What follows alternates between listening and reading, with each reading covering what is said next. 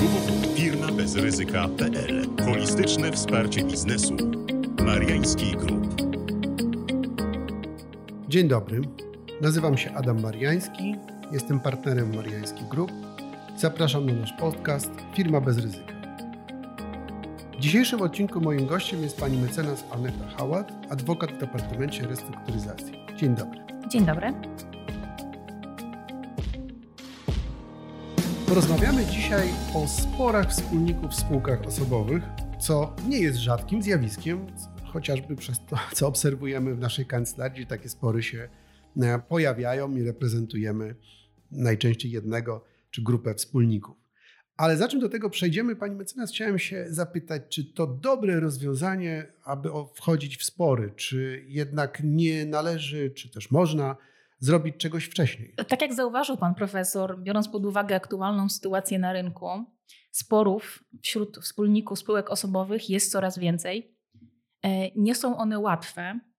E, sposób rozliczenia bywa niekiedy bardzo skomplikowany, więc rzeczywiście zalecamy przede wszystkim zapobiegać a więc przede wszystkim zastanowić się nad doborem wspólników w perspektywie przyszłej współpracy, ponieważ no, w spółkach osobowych przede wszystkim kładzie się nacisk na tą osobistą więź pomiędzy wspólnikami e, i znacznie mniejsze, mniejsze znaczenie ma sam wkład czyli jakiś wniesiony majątek, czy, czy, czy inna wartość majątkowa wniesiona do spółki.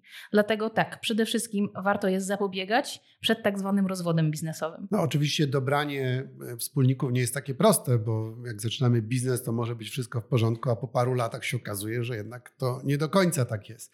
Choć ma pani mecenas tutaj bardzo dużą rację, wskazuje na ten element, bo spółki osobowe to trochę jak małżeństwo, e, też w zakresie odpowiedzialności, w zakresie wspólnego prowadzenia spraw, ale także trudności w rozstaniu się. E, Dokładnie tak. Nie chcę powiedzieć, że rozwiązywanie spółki to tak jest trudne jak e, rozwód i, i spory z tym związane, ale czasami jednak trwa równie długo, czyli nawet i kilkanaście lat.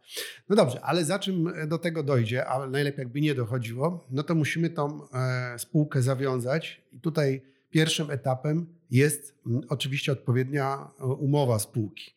Wydaje mi się, że tutaj jest obszar, w którym już możemy pewne elementy zapobiegające konfliktom mm, albo nawet likwidacji spółki wprowadzić. Dokładnie tak. Czyli przede wszystkim doprecyzowanie treści umowy spółki. E, warto, aby umowa spółki, oprócz tych niezbędnych, obligatoryjnych treści, które ustawodawca od nas wymaga, aby w ogóle spółka mogła być zawiązana, dobrze jest te elementy uzupełnić aby zabezpieczyć się na wypadek ewentualnego sporu w przyszłości. Mam przeświadczenie, że tego typu działania zminimalizują ryzyka wystąpienia sporów w przyszłości. Przede wszystkim to, co możemy wprowadzić. Możemy zmodyfikować kodeksowe zasady reprezentacji i prowadzenia spraw. Ustawodawca wprowadza nam jednomyślność, natomiast możemy zmodyfikować te postanowienia i wprowadzić na przykład głosowanie większością głosów, określoną większością głosów, Możemy też doprecyzować, co rozumiemy poprzez tak zwane, tak zwane, tak zwane sprawy przekraczające zwykły zarząd. Możemy ustalić zasady udziału w wspólnikach w zyskach i stratach. Oczywiście rekomendowanym działaniem jest to, aby były one proporcjonalne do wniesionych wkładów.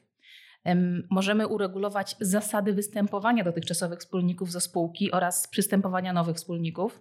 Możemy określić czy spadkobiercy zmarłego wspólnika będą mogli wstąpić w jego miejsce, ale przede wszystkim warto jest też zastanowić się nad tym, jaka ta spółka powinna być.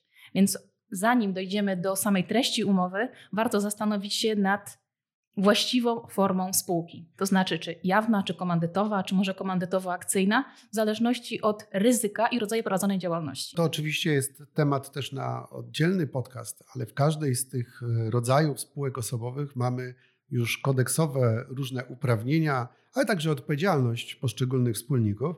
No i chociażby mm, tak prosto przekładając, w spółce jawnej reprezentować mogą wszyscy wspólnicy, Dokładnie. E, a w spółce komandytowo-akcyjnej wyłącznie komplementariusz. Tak. E, I akcjonariusz de facto ma mało do powiedzenia, bo ma taką podobną funkcję jak akcjonariusz w spółce mm, akcyjnej.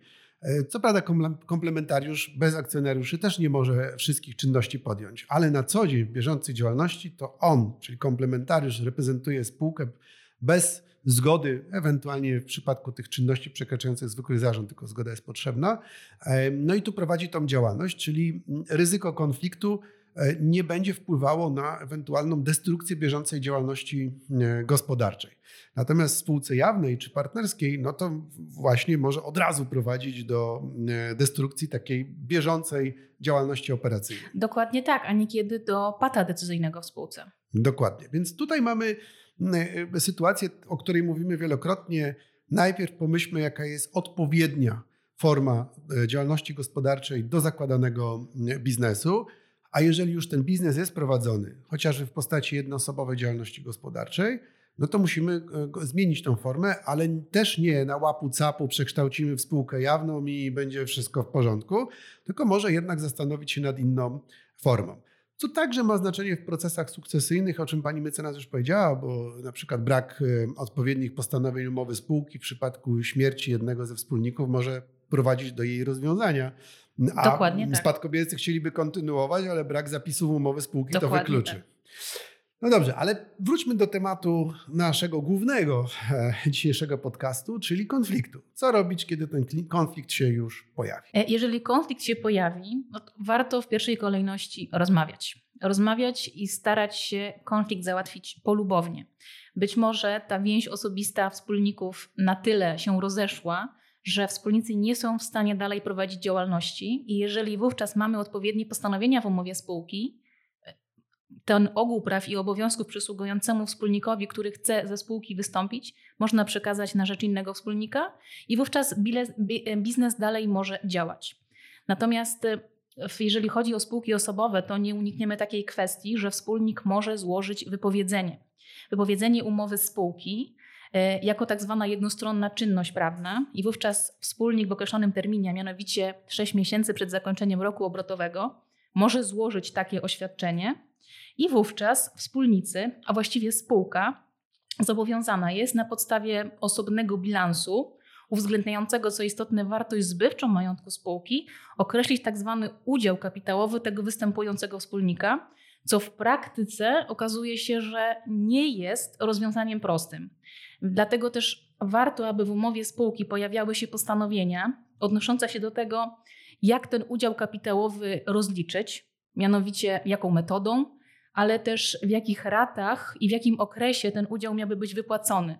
Ponieważ jeżeli przypuśćmy, mamy w spółce trzech wspólników, e, każdy z tych wspólników wniósł wysoki wkład. Oczywiście wypłacamy udział kapitałowy, czyli odnosimy się do wartości zbywczej majątku. Natomiast jeżeli spółka miałaby właściwie od razu wypłacić ten udział kapitałowy przypadający na konkretnego wspólnika, wówczas może być ona zwyczajnie niewypłacalna i dalsze istnienie biznesu będzie niemożliwe. No właśnie, i tutaj musimy o tym pamiętać, bo to jest zasadnicza różnica pomiędzy spółkami osobowymi a kapitałowymi.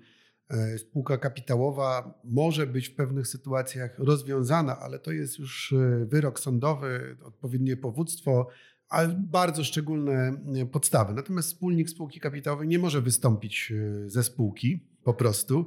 Może oczywiście sprzedać, zbyć swoje udziały czy akcje, ale wystąpić nie może i nie może żądać spłaty wniesionego kapitału do tej spółki. Więc też o tym warto pamiętać, zakładając spółkę, co się może stać w przyszłości.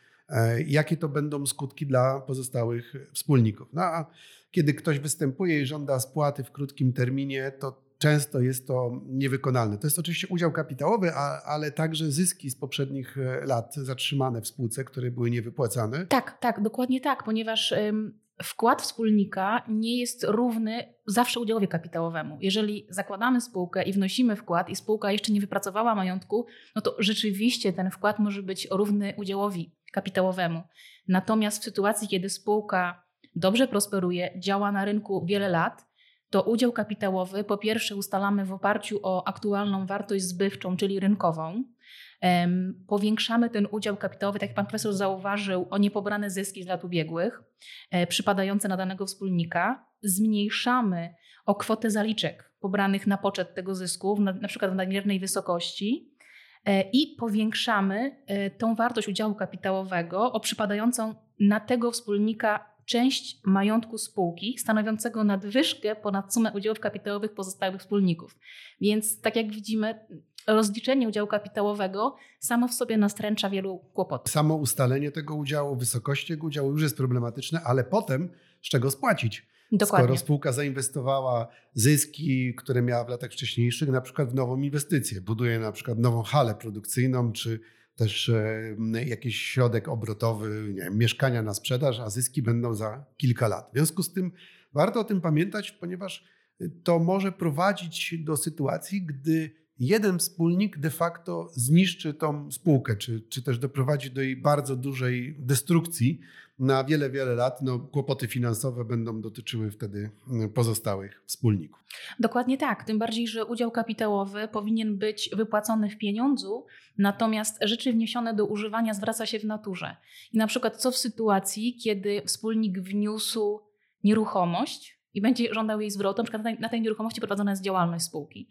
Więc no to rzeczywiście może daną spółkę pogrzebać. No dobrze, ale to jest sytuacja, gdy jeden ze wspólników wypowiada umowę spółki, natomiast wspólnicy mogą podjąć uchwałę o rozwiązaniu spółki. I co wtedy? Oczywiście, e, wspólnicy w każdym czasie mogą taką uchwałę podjąć. E, powinna ona być podjęta jednomyślnie jest to dosyć proste, ponieważ na zebraniu wspólników wspólnicy mogą podjąć taką decyzję, iż spółka zostaje rozwiązana, ale to wcale nie oznacza natychmiastowego zaprzestania istnienia spółki.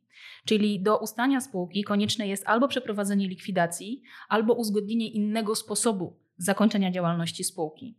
E, I teraz, jeżeli myślimy o likwidacji, wówczas majątek spółki powinien być spieniężony, wierzytelności powinny być, zobowiązania powinny być spłacone, natomiast ta nadwyżka, która pozostaje, powinna być podzielona pomiędzy wspólników. E, I należy też pamiętać, że pomimo podjęcia uchwały o rozwiązaniu spółki, spółka osobowa istnieje i to istnieje do momentu wykreślenia jej z KRS-u, a nawet do uprawomocnienia się postanowienia o wykreśleniu z KRS-u. Także ten czas od momentu podjęcia uchwały, uchwały do momentu zaprzestania istnienia spółki niekiedy może być bardzo długi. No dobrze, ale jeżeli już ta spółka ostatecznie zostanie zlikwidowana, to następuje jeszcze podział majątku między wspólników. I tutaj trzeba pamiętać o tym, w jaki sposób ten podział majątku będzie miał miejsce ponieważ mogą być różne skutki podatkowe. Czy dzielimy środki pieniężne, czy dzielimy aktywa jakieś, chociażby nieruchomości, czy ruchomości. Czy wierzytelności. Czy wierzytelności, e, bo inaczej, to, to jest oczywiście bardzo szeroki temat, więc tylko tak powiem dwa zdania.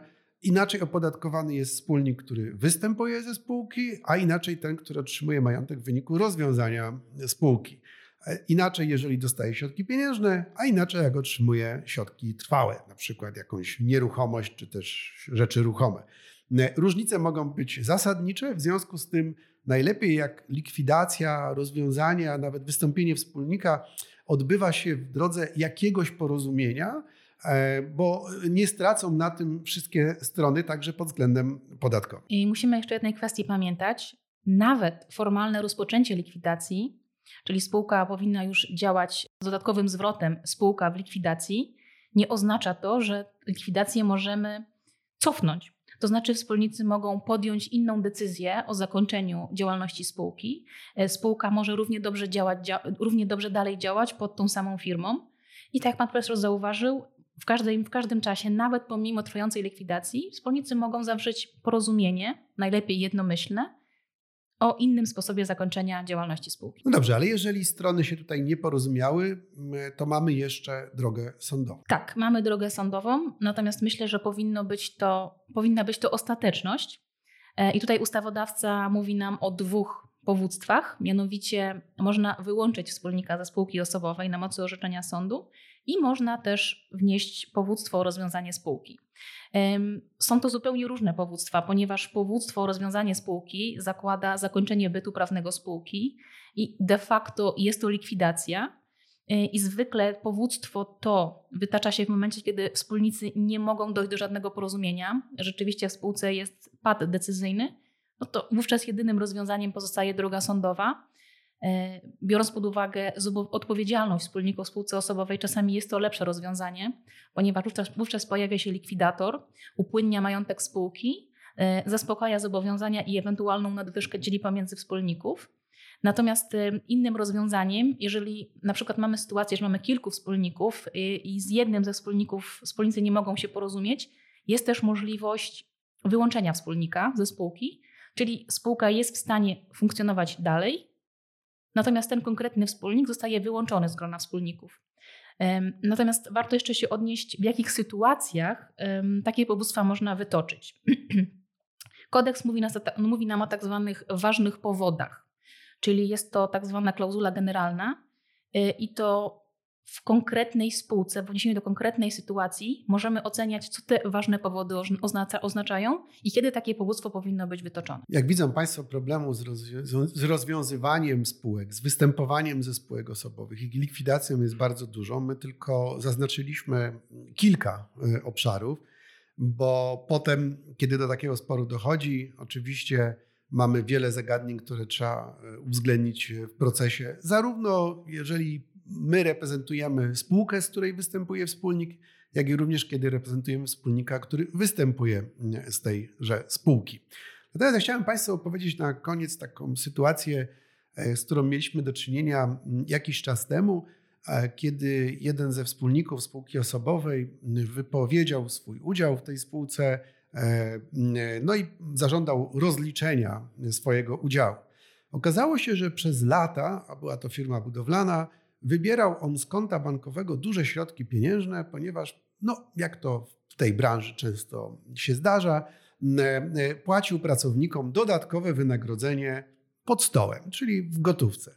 No i pozostali wspólnicy powiedzieli, że nie tylko, że nie dostanie już ani złotówki e, z tej firmy, ponieważ e, dostał wypłatę zysków większą niż mu przypadało w poprzednich latach, ale jeszcze musi zwrócić kilka milionów złotych do spółki, ponieważ dostał za dużo wypłaty zaliczek na poczet zysku w stosunku do tego, jaki zysk na niego przypadał.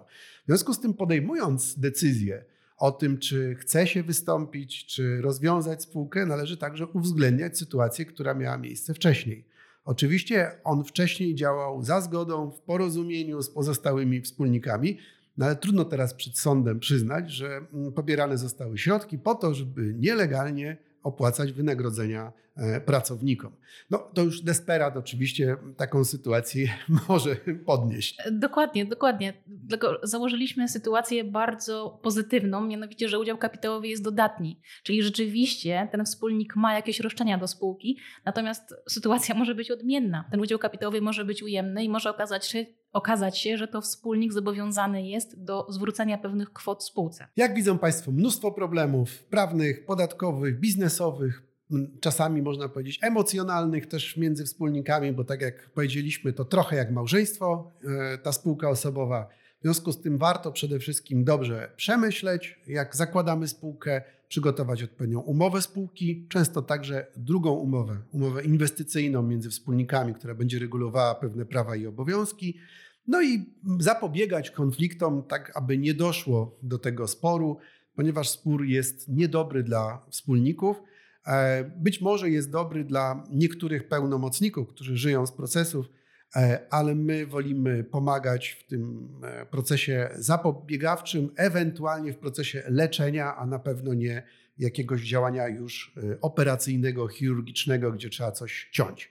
W związku z tym zapraszamy Państwa do mm, słuchania naszych też kolejnych podcastów, gdzie do tematu spółek osobowych jeszcze będziemy wracać, także w kontekście optymalnej i bezpiecznej formy działalności gospodarczej. Dzisiaj moim gościem była pani mecenas Aneta Hałat, adwokat w Departamencie Restrukturyzacji naszej kancelarii. Dziękuję za spotkanie. Dziękuję również. Do usłyszenia. Do usłyszenia.